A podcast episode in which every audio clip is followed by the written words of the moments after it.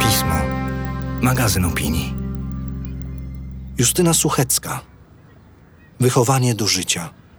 Czyta Agata Turkot. Słuchasz tekstu opublikowanego na łamach miesięcznika Pismo, magazyn opinii. Na stronie magazynpismo.pl znajdziesz więcej inspirujących treści, także w wersji audio. Wykup prenumeraty, aby zyskać dostęp do wszystkich artykułów, ilustracji i nagrań. Bycie obywatelem świata to pewien sposób myślenia oraz zdolność spojrzenia na problem z obcego punktu widzenia. Polska szkoła tego nie uczy. Jest rok 2015. Kończą się wakacje, a ja siedzę w szkole, choć dawno skończyłam naukę. Przyjechałam do drugiego liceum ogólnokształcącego w Gorzowie Wielkopolskim na zaproszenie moich dawnych nauczycieli. Mam poprowadzić warsztaty w ramach Dni Integracyjnych Pierwszaków. Odwiedzałam tę szkołę już kilkakrotnie. W poprzednich latach opowiadałam w niej m.in. o dziennikarstwie, fake newsach i mediach społecznościowych. Tym razem myślę, może porozmawiamy w końcu o samej szkole. Rozdaję nastolatkom małe karteczki i proszę, aby napisali na nich najważniejszą rzecz, której się dotąd nauczyli. Nie podpowiadam, co by to miało być. Na twarzach widzę olbrzymie skupienie. Grupa nagle poważnieje. Piszą. Zbieram karteczki, tasuję i odczytuję na głos. Nauczyłam się mówić po angielsku i mam teraz znajomych na całym świecie. Wiem, jak nawiązywać przyjaźnie. Wierzę w siebie. Ktoś ironizuje. W środku nocy potrafię opowiedzieć, jak zbudowany jest pantofelek. Inny dorzuca. Znam całą tablicę Mendelejewa, mogę oglądać Breaking Bad, serial o nauczycielu chemii, który zaczyna produkować metamfetaminę. Teraz trudniejsze zadanie. Wspólnie decydujemy, co z tego, czego się nauczyli, jest wiedzą szkolną, wynikającą z podstaw programowych i podręczników, sprawdzaną na egzaminach, a co pozaszkolną, której przybywa nam innymi dzięki relacjom z innymi ludźmi. Tablica pozaszkolna zapełnia się zdecydowanie szybciej. Później długo dyskutujemy, dlaczego tak się dzieje. W kolejnych latach powtarzam to ćwiczenie jeszcze parokrotnie – z uczniami w różnym wieku, zarówno z małych miasteczek, jak i z Warszawy. Kilka razy udaje mi się je przeprowadzić również z nauczycielami. Najpierw w tej samej formule co z młodzieżą, a później z dogrywką stawiającą pytanie, jaka jest najważniejsza rzecz, której nauczyłeś, nauczyłaś swoich uczniów. Tablica pozaszkolna znowu ledwie mieści karteczki. I tylko raz proporcje nie były tak przytłaczające na rzecz edukacji pozaszkolnej – gdy odwróciłam kolejność pytań. Wtedy nauczyciele pisali m.in. o procentach, zakładaniu własnej firmy, bogatym słownictwie oraz przyjemności z czytania poezji. Latem 2015 roku nikt jeszcze nie mówił o likwidacji gimnazjów, a nauczycielom nawet nie przychodziło do głowy, że ktoś będzie zmieniał podstawy programowe. Przecież Katarzyna Hall dopiero co je poprawiała. Podstawy to jeden z najważniejszych szkolnych dokumentów.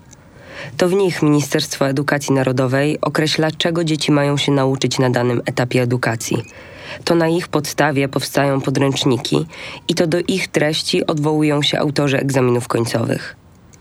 W maju 2015 roku po raz pierwszy maturę zdawali absolwenci, którzy uczyli się według propozycji programowej HAL, mającej wzmocnić specjalizację uczniów przez ułatwienie im w liceum koncentracji na tych przedmiotach, które ich szczególnie interesują. Krytycy mówili, że liceum zamieniło się w krótki kurs przygotowawczy do matury. Zwolennicy, że w końcu młodzież może rozwijać swoje pasje i zainteresowania. Cztery lata później znowu są wakacje. Moja dawna szkoła, w której prowadziłam zajęcia, podobnie jak tysiące innych w całym kraju, stoi u progu edukacyjnej rewolucji. Ale nie takiej, jakiej oczekiwali uczniowie, dzielący się ze mną doświadczeniami na małych, samoprzylepnych karteczkach. Gimnazjów już nie ma. 1 września naukę w liceach rozpoczęli ich ostatni absolwenci. W sąsiednich klasach uczą się ci, którzy skończyli ósmą klasę i robią to zupełnie inaczej niż ich rok starsi koledzy, według nowych podstaw. Czy lepiej? Niekoniecznie. Program, który stworzyliśmy, jest nowoczesny. Będzie mobilizował nauczycieli do ciągłego kształcenia. Przekonywała na konferencji prasowej MEN ówczesna minister Anna Zalewska. Gdy jednak pytam dziś nauczycieli, czego chcieliby uczyć, mało który mówi o konkretnych datach, nazwiskach, tematach czy teoriach. A to o nie spierały się dotąd kolejne resorty edukacji, często zapominając, że są to rzeczy, które najłatwiej wyszukać i zapisać. Problemem nie jest to, co włożymy do pudełka z podstawą programową. Kłopotem jest pudełko samo w sobie. Mówił mi niedawno Andreas Schleicher, niemiecki naukowiec badający edukację, nazywany nauczycielem świata. To on jest odpowiedzialny w OECD, Organizacji Współpracy Gospodarczej i Rozwoju, za jedno z najważniejszych edukacyjnych badań PISA Program for International Students Assessment w którym mierzy się postęp kompetencji piętnastolatków w celu poprawy jakości ich nauczania. Młodzież badana jest pod kątem umiejętności rozwiązywania problemów oraz analizowania, argumentowania i interpretowania. Sprawdzana jest również ich umiejętność logicznego myślenia oraz stopień przygotowania do dorosłego życia. Gdy w ramach badania PISA ocenia się zdolność czytania ze zrozumieniem, uczniowie dostają teksty, z którymi mogą się spotkać w codziennym życiu. Na przykład fragmenty instrukcji obsługi czy artykułów prasowych. To właśnie Schleicher, między innymi na podstawie danych zbieranych w ramach badania PISA, nadaje ton debacie o przyszłości szkolnictwa. A dyskusje edukacyjnego świata dotyczą dziś przede wszystkim tego, jak uelastyczniać program, by co parę lat nie musieć go pisać na nowo. Nauczyciele, z którymi dziś rozmawiam, dobrze zdają sobie z tego sprawę. 32-letni Tomasz Leszczyński jest nauczycielem w publicznej placówce dopiero od dwóch lat. W toruńskiej szkole podstawowej nr 3 uczy muzyki. Na co dzień gram muzykę dawną w kapeli non grata. W liceum wyobrażałem sobie, że zostanę nauczycielem historii. Nie wyszło, wspomina. Zamiast tego grałem w orkiestrach i zespołach, uczyłem grać dzieci i dorosłych. Pomyślałem, że wspaniale byłoby mieć pracę, w której będę się realizował, robiąc coś twórczego i zmieniając świat. Niewiele jest takich zawodów, a nauczyciel jest jednym z nich. Patetycznie? Może ale przecież nauczyciele budują podmiotowość uczniów. Co może być ważniejszego? O podstawie programowej z muzyki mówi, że przypomina te z historii. Jako nauczyciele powinniśmy przerabiać z uczniami kolejne epoki i uczyć ich zapamiętywać nazwiska oraz fakty. Nie dziwię się, że wiele uczonych w ten sposób dzieci przestaje pałać miłością do tego przedmiotu, przyznaję. A przecież każdy słucha muzyki. Leszczyński słucha jej też z uczniami, a dzięki rozmowom o niej wprowadza na lekcjach tematy spoza podstawy programowej. Jego ulubione to czy dziecięce gwiazdy mają szczęśliwe życie? Co można stracić lub zyskać, występując w talent show? Czy warto być youtuberem?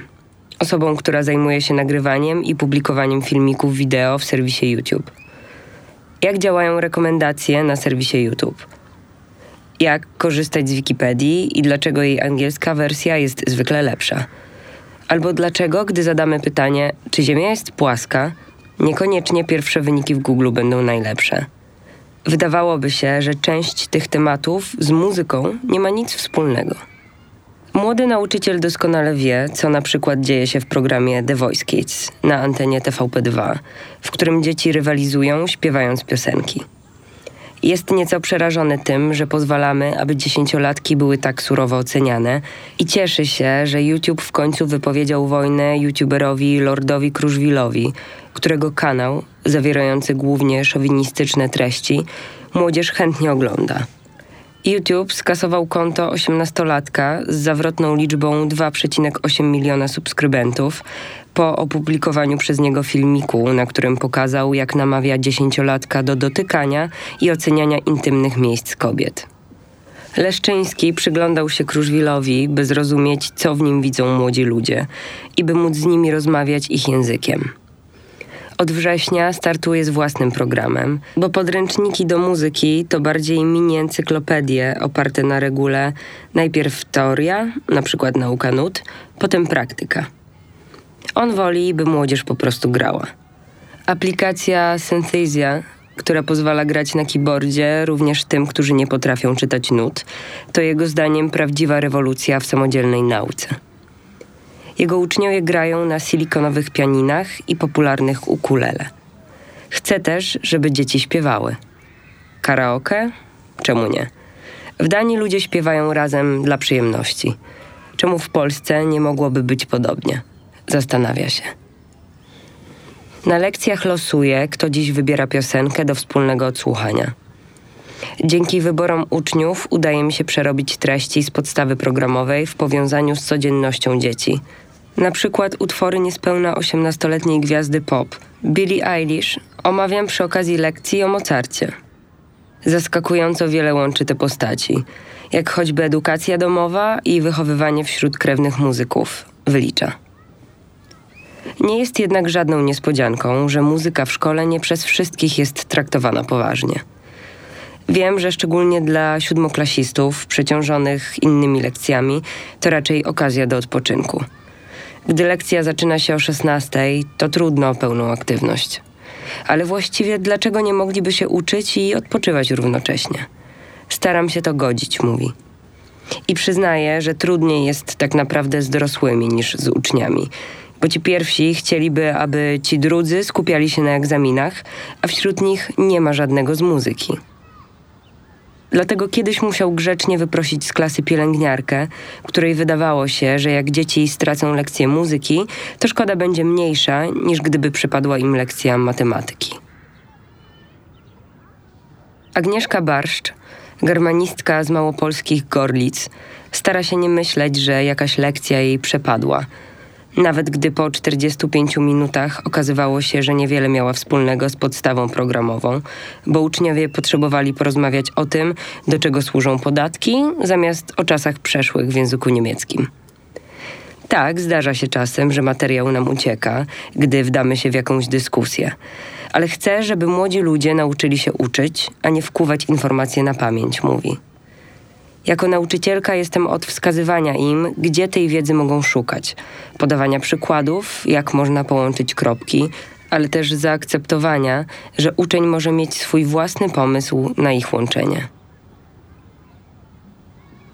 W szkole pracuje od 18 lat, ale jak sama przyznaje, jej podejście do nauczania mocno się zmieniło, gdy do szkoły posłała syna z diagnozą nadpobudliwości. Szkoła okazała się dla niego trudna, a on okazał się trudny dla szkoły, wspomina. Zaczęłam więcej czytać, dokształcać się, szukać nowych metod. Chciałam pomóc synkowi, a pomogłam sobie. Pracę nauczyciela porównuję do lotu samolotem z małym dzieckiem. Jeśli dojdzie do awarii, komu najpierw należy założyć maskę tlenową? pyta. No właśnie, sobie. Jeśli my, nauczyciele, nie zatroszczymy się o siebie, to będzie nam trudno zadbać o uczniów. W podstawie programowej zapisałaby koniecznie rozwój inteligencji emocjonalnej i umiejętności miękkich. W lutym została coachem mocnych stron, talentów neuronalnych badanych testem Galupa. Byłoby idealnie, gdyby wszyscy nauczyciele na etapie przygotowania do zawodu mogli się dowiedzieć, co jest ich mocną stroną, bo to na niej buduje się zrozumienie dla siebie i innych, autorytet oraz szacunek, wyjaśnia. Sama próbuję znaleźć swoje mocne strony poprzez naukę i zbieranie informacji. Mam takie cechy, które upewniają mnie, że gdyby Marsjanie wylądowali na Ziemi, to szybko zebrałabym niezbędne dane i już po chwili mówiła ich językiem. Nastolatków stara się uczyć metodą, jaką zastosowałaby do Marsjan. Moi uczniowie w większości pochodzą z terenów wiejskich. Niektórzy dojeżdżają do szkoły nawet godzinę, mówi. Na początku dołowałam się, gdy pytałam siedemnastolatków, co potrafią robić dobrze, a oni nie potrafili powiedzieć. Dopiero później zdałam sobie sprawę, że wielu z nich nikt nigdy wcześniej o to nie zapytał. Nie tylko w szkole, ale i w domu. O tym, że jeden z jej uczniów hoduje mrówki i jest wielkim wielbicielem tych owadów, dowiedziała się przez przypadek. Wspomniał o nich w swoim wypracowaniu z niemieckiego. Później wielokrotnie o tym rozmawialiśmy i było to pasjonujące. Uświadomiło mi, że uczniowie mają hobby, na które w szkole teoretycznie nie ma miejsca. Nigdy już tak samo nie spojrzałam na tego chłopaka, przyznaję. Na lekcjach wychowawczych wykorzystuje narzędzia coachingu, na przykład karty emocji czy pracę z wartościami. I znowu, uczniowie na początku nie potrafili powiedzieć, jak się czują, bo nikt ich wcześniej o emocje nie pytał. A byli to już dziewiętnastoletni ludzie. Zdaniem Barszcz za mocno skupiamy się w szkole na porażkach i błędach. Gdy na początku pytała licealistów, czemu nie poszedł ci sprawdzian, miałeś czasu się przygotować, źle zaplanowałaś powtórki? Patrzyli na nią jak na wariatkę, która na pewno chce się do czegoś przyczepić. Później zrozumieli, że ona właśnie próbuje ich zrozumieć, budując z nimi bliskość. Bliskość pomiędzy uczniami i nauczycielami jest bardzo potrzebna, zwłaszcza jeśli ci pierwsi mają się stać pełnoprawnymi obywatelami świata. W 2017 roku ponad 2000 uczestników Global Education and Skills Forum w Dubaju, nauczycieli, edukatorów, polityków i przedsiębiorców z branży edukacyjnej, zapytano, jakie cechy powinny charakteryzować obywateli świata. I choć na pytanie odpowiadali mieszkańcy 140 państw, odpowiedzi były dość zbieżne. Aż 84% uznało, że taką cechą jest szacunek dla różnorodności. Na kolejnych miejscach znalazły się wiara w to, że ludzie są równi 80%, empatia 76%, ciekawość świata 75%. Wiara w to, że każdy człowiek ma znaczenie i może z angielskiego make the difference 75%. Zaangażowanie na rzecz społecznej sprawiedliwości oraz dbałość o środowisko i działanie na rzecz zrównoważonego rozwoju 73%. Dopiero dalej uplasowały się praktyczne umiejętności, na przykład zdolność łatwego porozumiewania się i przełamywania barier językowych 65%. Bycie obywatelem świata to pewien sposób myślenia oraz zdolność spojrzenia na problem z obcego punktu widzenia. Andreas Schleicher zwykł mawiać: Jeśli zawiedziemy przy wychowywaniu obywateli świata, będziemy obserwować rosnące nierówności i dalszy rozpad tkanki społecznej. Edukacja globalna w Polsce nie ma się najlepiej. Jej elementy znalazły się co prawda już w podstawie programowej z 2009 roku, ale z licznych raportów wynika, że jej wdrażanie nie do końca się powiodło. Na przykład z badania przeprowadzonego w 2014 roku na zlecenie Ośrodka Rozwoju Edukacji wynikało, że jedynie 30% uczniów liceów i gimnazjów zetknęło się z pojęciem zrównoważonego rozwoju. Mieli kłopot, żeby odpowiedzieć na pytanie, dlaczego poziom życia w krajach afrykańskich jest na ogół niższy niż w krajach europejskich. Potrafili rozmawiać o braku wody, biedzie czy głodzie, ale jednocześnie niewielu wiedziało, jak te elementy połączyć z przeszłością kolonialną, problemami gospodarczymi czy słabością instytucji państwowych. Gdy w szkole podejmuje się temat Afryki, mówi się o głodzie, HIV i bezradności. Gdy USA o wielkich miastach, a gdy Brazylii o slumsach.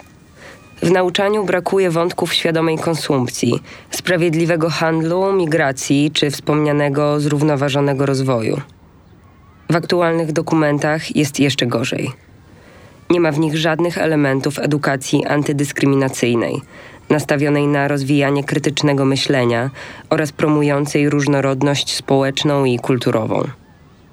Nauczyciele mają omawiać na przykład temat niedożywienia, posługując się przypadkiem Etiopii to przykład nietrafiony, bo jak wskazują statystyki z 2015 roku, Etiopia nie występuje w pierwszej dziesiątce krajów zmagających się z problemem głodu. Taka ilustracja przyczynia się do stygmatyzowania tego kraju. Spośród 800 milionów ludzi cierpiących obecnie z powodu głodu, większość mieszka w Azji, a nie w Afryce. Anna Dzierzgowska, nauczycielka historii w wielokulturowym liceum humanistycznym imienia Jacka Kuronia w Warszawie, chętnie zmieniłaby podstawę programową swojego przedmiotu właśnie pod kątem rozwijania edukacji globalnej. Staram się mówić jak najwięcej o tym, co poza Europą oraz o tych, których i które podręcznikowa historia pomija kobietach, chłopach i chłopkach, robotnikach i robotnicach, ludach skolonizowanych, osobach nieheteronormatywnych, mniejszościach wylicza. Nie chodzi jednak o to, by głowy uczniów przeładować jeszcze bardziej, ale aby mówić więcej o wybranych zagadnieniach spośród tych marginalizowanych. Do tego dobrze jest włączać jak najwięcej pracy ze źródłami i mapami oraz samodzielnego czytania i tworzenia projektów. I żeby historia, dokładnie odwrotnie niż teraz, służyła nie uświęcaniu i neutralizowaniu stanu zastanego, ale przeciwnie pokazywaniu, że to, z czym dziś obcujemy, jest przypadkowe i krótkotrwałe, dodaje Dzierżgowska. Niech historia będzie od pokazywania, jak wiele innych modeli życia, gospodarki, relacji, władzy czy relacji z przyrodą. Ludzkość testowała i testuje obecnie, ze szczególnym uwzględnieniem faktu, że przez przytłaczającą większość dziejów praktykowaliśmy wędrowny tryb życia, myślistwo i zbieractwo.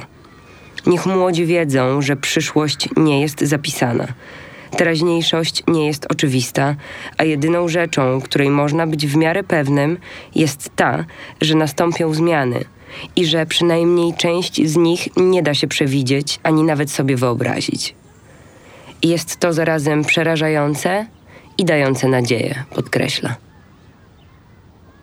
Jacek Staniszewski, nauczyciel historii i dyrektor Akademii Dobrej Edukacji w Warszawie, spotyka się ze mną w pizzerii.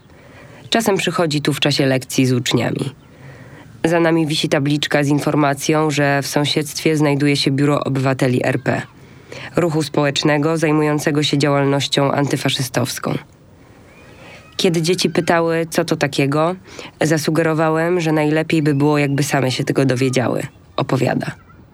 A kiedy to zrobiły, rozmawialiśmy między innymi o tym – wyborcom których partii mogłoby się tam spodobać, a którym nie i dlaczego. Przyznaję, że dzieci często nie chcą się uczyć historii. Jeśli się przyjmie, że historia to wyłącznie coś, co było, to jest to dla nich martwa wiedza. Trochę jak łacina. Po co się uczyć języka, którym z nikim nie porozmawiamy? Jeśli ktoś mówi, że warto, bo dobrze wykształcony człowiek powinien znać łacinę, to taki argument średnio do nich trafia, opowiada. Historii powinniśmy uczyć się w taki sposób, aby stanąwszy na środku dowolnego miasta, miasteczka czy wsi, wiedzieć, jak odpowiedzieć na pytanie, dlaczego jest tu tak, jak jest. Do tego potrzebna jest historia, tak samo jak biologia czy geografia. Podstawa programowa z historii w takim nauczaniu przeszkadza, bo wymusza na nauczycielach mówienie o rzeczach, które trudno przełożyć na współczesność. Nie lubię starożytności, wyznaje Staniszewski. Niektóre tematy z jej zakresu wydają mi się niepotrzebne. Warto opowiadać na przykład o demokracji ateńskiej, ale może niekoniecznie o reformach Solona czy Kleistenesa. Dużo bardziej przydatna jest wiedza o tym, dlaczego w Grecji działał sąd skorupkowy, który decydował o wyrzucaniu ze społeczności ludzi zagrażających demokracji. Mówię uczniom na przykład: Słuchajcie, podejmijmy wspólnie decyzję, na jaki film pójdziemy. I zastanawiamy się, czy metoda większości głosów jest najlepsza. Zwykle odpowiadają tak, oczywiście, ale gdy wybiorą film stosunkiem 51% głosów do 49%, to okaże się, że prawie połowa klasy jest niezadowolona. Opowiadam im wtedy o polskiej demokracji szlacheckiej, w której tak długo gadano, aż się dogadano. Może nie każdy był zadowolony, ale musieli sami dojrzeć do kompromisu. W taki sposób rozmawiamy na lekcjach. Zdaniem Staniszewskiego obecną podstawę programową napisali ludzie, którzy nie rozumieją, że nie potrzebujemy wiadomości, tylko umiejętności zrozumienia i wykorzystywania tego, czego się uczymy. Po co komukolwiek, może poza uczestnikami teleturnieju jeden z dziesięciu, wiedza o tym, że Pepin Krótki był ojcem Karola Wielkiego, pyta. A jednak część nauczycieli żąda od uczniów, żeby znali drzewo genealogiczne dynastii Karolingów. Tylko na pytanie po co już nie potrafią odpowiedzieć. W nowej czwartej klasie, idącej trybem ostatniej reformy, uczniowie mają na historii poznać zestaw wybitnych postaci, który wybrali autorzy podstaw programowych. Są wśród nich m.in. władcy Polski, Mikołaj Kopernik czy Maria Skłodowska-Curie, ale też żołnierze wyklęci i Jan Paweł II. Staniszewski nie przepada za takim układem tematów. Rozmawia z dziećmi raczej o tym, która z tych postaci mogła zobaczyć motor, a która dzieła Leonarda da Vinci. Umawiamy się, że będziemy poznawać ich czasy, mówi. I tak na przykład na moich lekcjach temat żołnierzy wyklętych brzmi: kiedy się poddać? Gdy już naprawdę nie mamy siły, czy kiedy mamy jeszcze jakieś szanse, żeby zacząć coś nowego? Dzieci rozmawiają o swoich konfliktach albo o grze w szachy, gdy nie wiadomo, czy warto partię prowadzić do końca. Myślę, że taka lekcja ma sens. Joanna Urbańska, nauczycielka biologii, chemii i fizyki, w zlikwidowanym na skutek reformy gimnazjum imienia Jana Pawła II w mazowieckim Susku, też chciałaby, aby jej uczniowie byli gotowi na to, że świat się zmienia. Została nauczycielką roku 2016. Gdy odbierała nagrodę, powiedziała: Dziękuję moim uczniom. To cudowny wiek, gdy dzieciaki są niesamowicie kreatywne, zaangażowane. Trzeba im tylko dać otuchę, pokazać co potrafią, wesprzeć, a przy tym wysłać wiele SMS-ów, maili, przypomnień na Facebooku, bo są też zapominalskie. Ale dzięki temu wszystkiemu można z nimi wiele wspólnie osiągnąć. Z biegiem lat wspólnych osiągnięć tylko przybywa. Gdy rozmawiamy, nie ma już gimnazjum, w którym pracowała, ale jej uczennice są w Szwajcarii, aby odebrać nagrody za swój projekt Eco Road. Anna Andrzejewska, Emilka Grączewska, Kamila Kucińska, Kamila Kwaśniewska, Anna Obremska i Julia Rypińska razem ze swoją nauczycielką opracowały pomysł na biznes, który zmniejszałby koszty produkcji dróg, wpłynął na ich trwałość i zredukował ilość odpadów na składowiskach. Gdy nad nim pracowały, odbyły dziesiątki rozmów ze specjalistami z branży budowlanej i naukowej oraz samorządowcami – Starosta powiatu sierpeckiego Mariusz Turalski miał im powiedzieć, że chętnie kładłby takie drogi pilotażowo u siebie. Nie, tego nie było w podstawie programowej. Czy Urbańska jest specjalistką od branży budowlanej? Czy prowadzi zajęcia z doradztwa zawodowego lub przedsiębiorczości? A może ma własny biznes, albo przynajmniej opracowała kiedyś biznesplan? Na wszystkie te pytania nauczycielka odpowiada nie. A jednak, zaczynając z uczennicami pracy nad projektem, potrafiłam nie patrzeć na wszystkie moje ograniczenia, podkreśla. Wierzyłam, że mogę zdobyć nowe kompetencje i pokazałam im, że mogę uczyć się razem z nimi. Urbańska opracowała pięć punktów, które mogłyby zastąpić podstawę programową. Na pytanie, czego powinna uczyć dzisiejsza szkoła, odpowiada – Powinniśmy uskrzydlać naszych uczniów, dawać im poczucie sprawstwa i wpływu na otaczający nas świat oraz mobilizować ich do nieszablonowego myślenia ponad przeciętnością.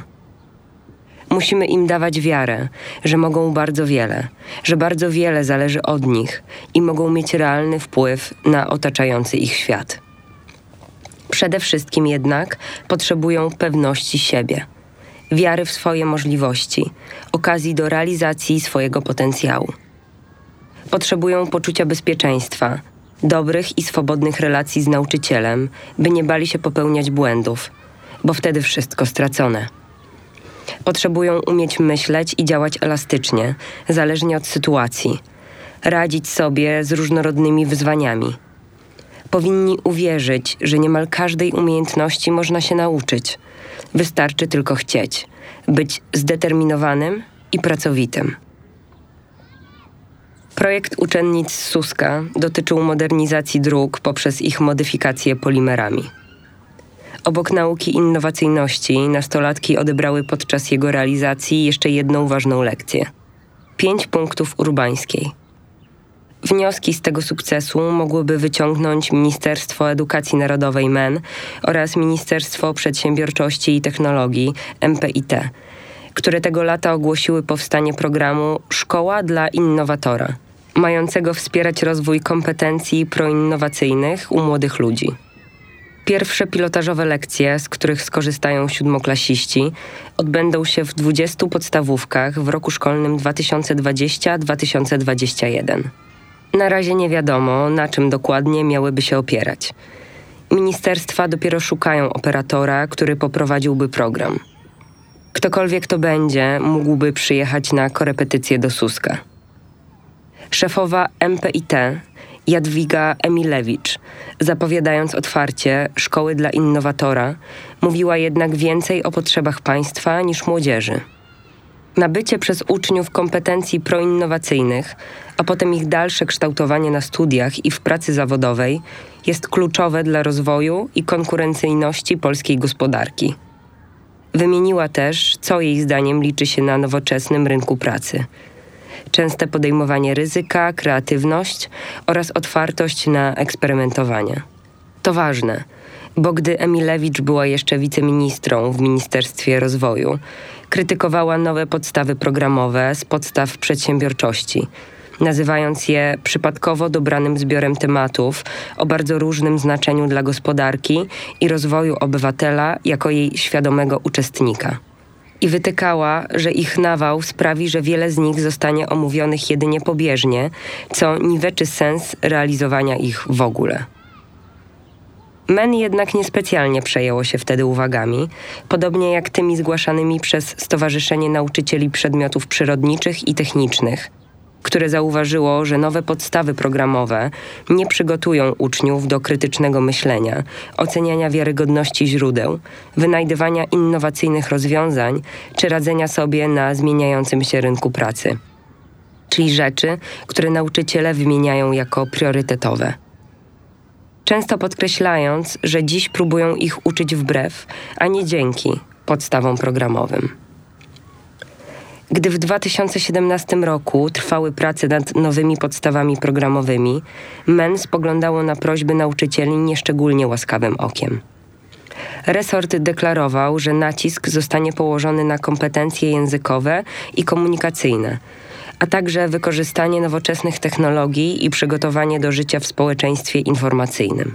Jednocześnie, jako istotne zadanie szkoły, wpisane zostało wzmacnianie poczucia tożsamości narodowej, etnicznej i regionalnej, przywiązania do historii i tradycji narodowych. Co dostaliśmy w praktyce? Profesor Krzysztof Spalik, przewodniczący Komitetu Biologii Środowiskowej i Ewolucyjnej PAN, wyliczał – Licealiści będą mieli około 90 godzin biologii, podczas których trzeba zrealizować ponad 200 szczegółowych zagadnień.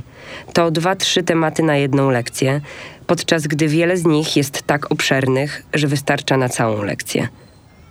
Nikt się nie przejął. MEN uwzględniło co prawda kilka uwag tzw. Tak osób prywatnych.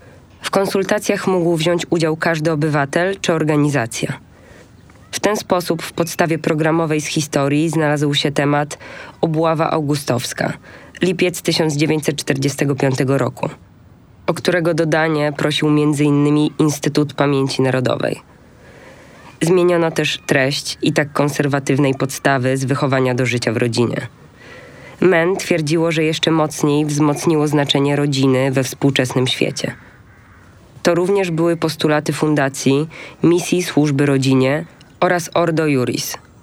W podstawie znalazł się też zapis o moralnych aspektach antykoncepcji. Ministerstwo pozostało za to głuche na uwagi nastolatków. Młodzież chciała, by zajęcia były bardziej praktyczne. Proponowała m.in. lekcje o startupach na podstawach przedsiębiorczości i o organizacjach pozarządowych na wiedzę o społeczeństwie na przykładach choćby Helsińskiej Fundacji Praw Człowieka, Amnesty International czy Polskiego Czerwonego Krzyża i Czerwonego Półksiężyca. Oczekiwała warsztatów z udzielania pierwszej pomocy oraz wprowadzenia elementów grafiki komputerowej na plastyce. Członkowie Rady Dzieci i Młodzieży RP przy ministrze edukacji narodowej, którą powołała sama minister Anna Zalewska, bezskutecznie prosili o dodanie do programu wychowania do życia w rodzinie. Zagadnienia Uczeń wyjaśnia pojęcie orientacji seksualnej, okazuje szacunek i zrozumienie dla osób każdej orientacji we wszystkich sferach życia nie zostali wysłuchani, mimo że w Polsce nie kończy się dyskusja o pilnej potrzebie wprowadzenia edukacji antydyskryminacyjnej i obywatelskiej do szkół. Jeszcze bardziej wzmocniona przez lipcowe wydarzenia w Białymstoku, w którym doszło do ataku na przechodzący przez miasto Marsz Równości.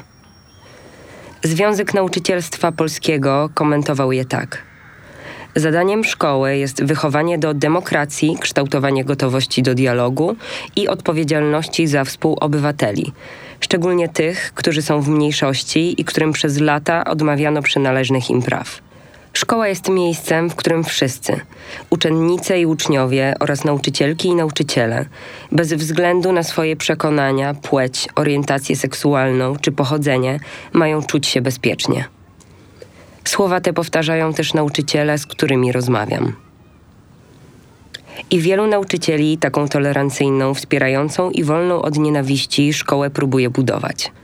Wśród nich są Wioletta Kalka z zespołu szkół mechanicznych, elektrycznych i elektronicznych w Toruniu oraz Elżbieta Szudek z zespołu szkół akademickich w Nowym Sączu. Obie są polonistkami i nigdy się nie spotkały, ale czuję, że świetnie odnalazłyby się na swoich lekcjach. Nie posługują się gotowymi konspektami lekcji i czytają książki, które poleca im młodzież. Na przykład Igrzyska Śmierci Susan Collins, Gwiazd naszych wina Johna Greena czy opowieść podręcznej Margaret Atwood. Ich uczniowie nie muszą się więc specjalnie martwić uwagami Komitetu Nauk o Literaturze PAN, który na etapie tworzenia podstaw programowych z języka polskiego przestrzegał, że grozi nam zapaść czytelnictwa. A przecież trudno sobie wyobrazić, że z czytelnictwem w Polsce mogłoby być jeszcze gorzej. Specjaliści z PAN zwracali uwagę, że uczeń, który ukończy szkołę po reformie PiSu, będzie jedynie odtwórcą przekazanych mu wiadomości, bo zaproponowane kształcenie literackie nie zakłada samodzielności myślenia, rozwijania umiejętności interpretacji, przyjemności lektury, aktywności czytelniczej. Opiera się wyłącznie na przymusie. Chyba, że lekcja będzie wyglądała inaczej. Na przykład tak. Siódmoklasiści dzielą się na pięcioosobowe zespoły i biorą udział w literackiej sztafecie. Nauczycielka dyktuje pierwsze zdanie opowiadania. Uczeń kontynuuje. Nauczycielka po chwili klaszcze w dłonie i kolega lub koleżanka z ławki obok dodaje kolejne zdania opowiadania. I tak dalej, aż wkład będzie mieć cała drużyna. Gdy wracamy do punktu wyjścia, pierwszy uczeń pisze zakończenie. Dzieci chcą pisać, gdy widzą sens pisania. Na przykład, gdy mogą opublikować tekst w gazecie lub, tak jak my, nasze opowiadania w książce, stwierdza Szudek. Sztafeta to jedno z jej ulubionych ćwiczeń. Kalka i Szudek nie dają się łatwo wcisnąć w gorset sztywnych podstaw programowych. Gdy przyszli technicy, uczniowie zespołu szkół mechanicznych, elektrycznych i elektronicznych w Toruniu nie potrafili zrozumieć uczuciowych decyzji Wokulskiego. Proszę pani, ależ on głupi, przecież mógłby mieć każdą. Kalka przyniosła im fragmenty bestsellerowego poradnika Dlaczego faceci kochają zołzy. A gdy ósmoklasiści Szudek powiedzieli, że nic nie rozumieją z pana Tadeusza, zdecydowała, że będzie z nimi oglądać film Wajdy, aby przeanalizować wspólnie zachowania bohaterów. Na koniec usłyszała, że Epopeja Narodowa to jedna z najlepszych lektur, jakie czytali. Gdy Szudek omawia potop, uczniowie czytają o bitwie w wąwozie, by przyjrzeć się zabiegom stylistycznym i metodom heroizowania bohaterów. Później biorą się za pamiętnik starego subiekta z lalki i opisaną tam bitwę generalną. Narracja jest zupełnie inna. Młodzież zaczyna rozumieć, że Sienkiewicz wielkim pisarzem był, ale że jego opowieść nie służyła prawdzie. To była robota Prusa. Z tą refleksją można już przejść do Gombrowicza i jego opowieści o pisarzu pierwszorzędnym i drugorzędnym. Chcę ich nauczyć nazywania i wyrażania emocji, żeby wiedzieli, co przeżyli. Uczucia to przecież nie tylko smutek i radość, a ich wyrażenie to coś więcej niż emotikon na końcu wiadomości. Uczę trudnej sztuki formułowania własnego zdania, odwagi, otwartości, asertywności i szacunku dla innych, ponieważ szkoła nie tylko uczy, ale na każdej lekcji też wychowuje, podkreśla Szudek. Jasne, muszę pamiętać, że przygotowuję ich do egzaminów, że muszę wyrobić w nich określone umiejętności. Ale nie jest prawdą, że nie ma czasu na to, by zainteresować ich filmem czy teatrem. Wystarczy, że będziemy rozmawiali o tym, jaki obejrzana rzecz ma związek z ich światem. Jeśli uczeń będzie rozumiał siebie, zrozumie też innych. Obserwacje te pokrywają się z uwagami kalki. W każdej lekturze szkolnej, nawet najbardziej archaicznej, są fragmenty, dzięki którym możemy porozmawiać o współczesnym życiu i naszych problemach. Nauczycielka chciałaby, aby powstał osobny przedmiot dotyczący rozwoju osobistego. Bo co z tego, że wychowam wspaniałego informatyka, mechatronika czy elektronika, kiedy on nie będzie umiał odnaleźć się w zespole i zrozumieć drugiego człowieka? Taka refleksja jest bardzo potrzebna w podstawach programowych, mówi. Kalka w szkole pracuje od 23 lat. Kilka lat temu trafiła na warsztaty z Łukaszem Kucińskim, wykładowcą, mentorem i przedsiębiorcą, po których zainteresowała się rozwojem osobistym. Coaching sprzyja budowaniu relacji, bez których dobra edukacja nie istnieje. Buduje też nowy model nauczyciela, który stawia na samodzielność uczniów oraz poczucie współodpowiedzialności za proces edukacji, a drobiazgową kontrolę i ocenianie zastępuje zaufaniem, tłumaczy mi. To tworzy poczucie pewności siebie i wiarę we własne możliwości. Kalka nie chce być helikopterową nauczycielką, która ciągle pilotuje uczniów i krąży nad ich głowami, aby następnie drobiazgowo ich rozliczać, tak jak system szkolny, który próbuje rozliczać ją.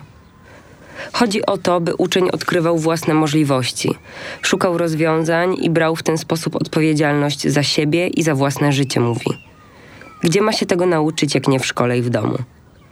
Jeśli nauczyciele i rodzice wciąż będą rozwiązywać problemy za młodych ludzi, a jeszcze nie daj Boże systemowo, według statutów i przepisów, to nigdy nie dadzą dzieciom przestrzeni do własnego rozwoju i nie stworzą możliwości do przejęcia przez nie odpowiedzialności. Im mniej kontroli, wytykania błędów, dawania gotowych rozwiązań, tym bardziej zaradni będą nasi uczniowie. Dlatego doktor Mikołaj Marcela, polonista z Uniwersytetu Śląskiego, uważa, że idealnie byłoby przestać myśleć o jakiejkolwiek podstawie programowej i nauczyć dzieci, że nie jest ważne wiedzieć to, co wszyscy, ale potrafić coś, czego nie potrafi nikt inny. Czyli w praktyce uczyć ich wartości różnorodności i odchodzić od przymusowej unifikacji. Kształtujmy nastawienie, zgodnie z którym niepowodzenia i krytyka nie są traktowane w kategoriach porażki Zamiast tego postrzega się je jako wartościowe lekcje i okazje do wyciągnięcia wniosków na przyszłość, radzi.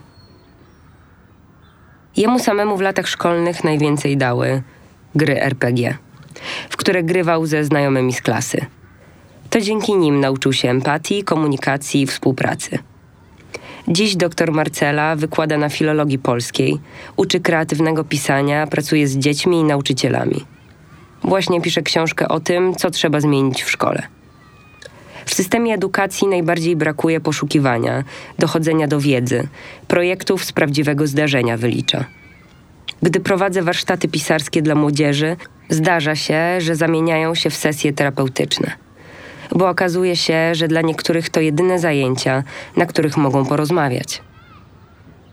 Doktor Marcela uważa, że jeśli potrzebujemy pilnie jakiejś reformy, to takiej dotyczącej kształcenia i przygotowania nauczycieli. Tak, by budowali relacje z uczniami i wysokie poczucie własnej wartości. Wtedy nie będzie im przeszkadzać żadna podstawa programowa. Gdy byłam uczennicą, nawet nie zdawałam sobie sprawy z istnienia czegoś takiego jak podstawa programowa – może gdzieś o tym słyszałam, ale nie uznałam za na tyle istotne, by zapadło w pamięć. To, że nie znałam pojęcia, nie oznaczało jednak przecież, że to, co za nim stało, nie miało wpływu na rzeczy układane mi w głowie przez nauczycieli. Gdybym miała teraz napisać na samoprzylepnej karteczce, jaka była najważniejsza rzecz, której nauczyłam się w szkole, pewnie napisałabym: Dzięki szkole mam świadomość, że nie zawsze autorytety mają rację. I zaraz potem miałabym problem, bo na jakiej tablicy powinnam przyczepić tę kartkę? Reportaż ukazał się w 22 numerze miesięcznika Pismo, magazyn opinii, czytała Agata Turkot.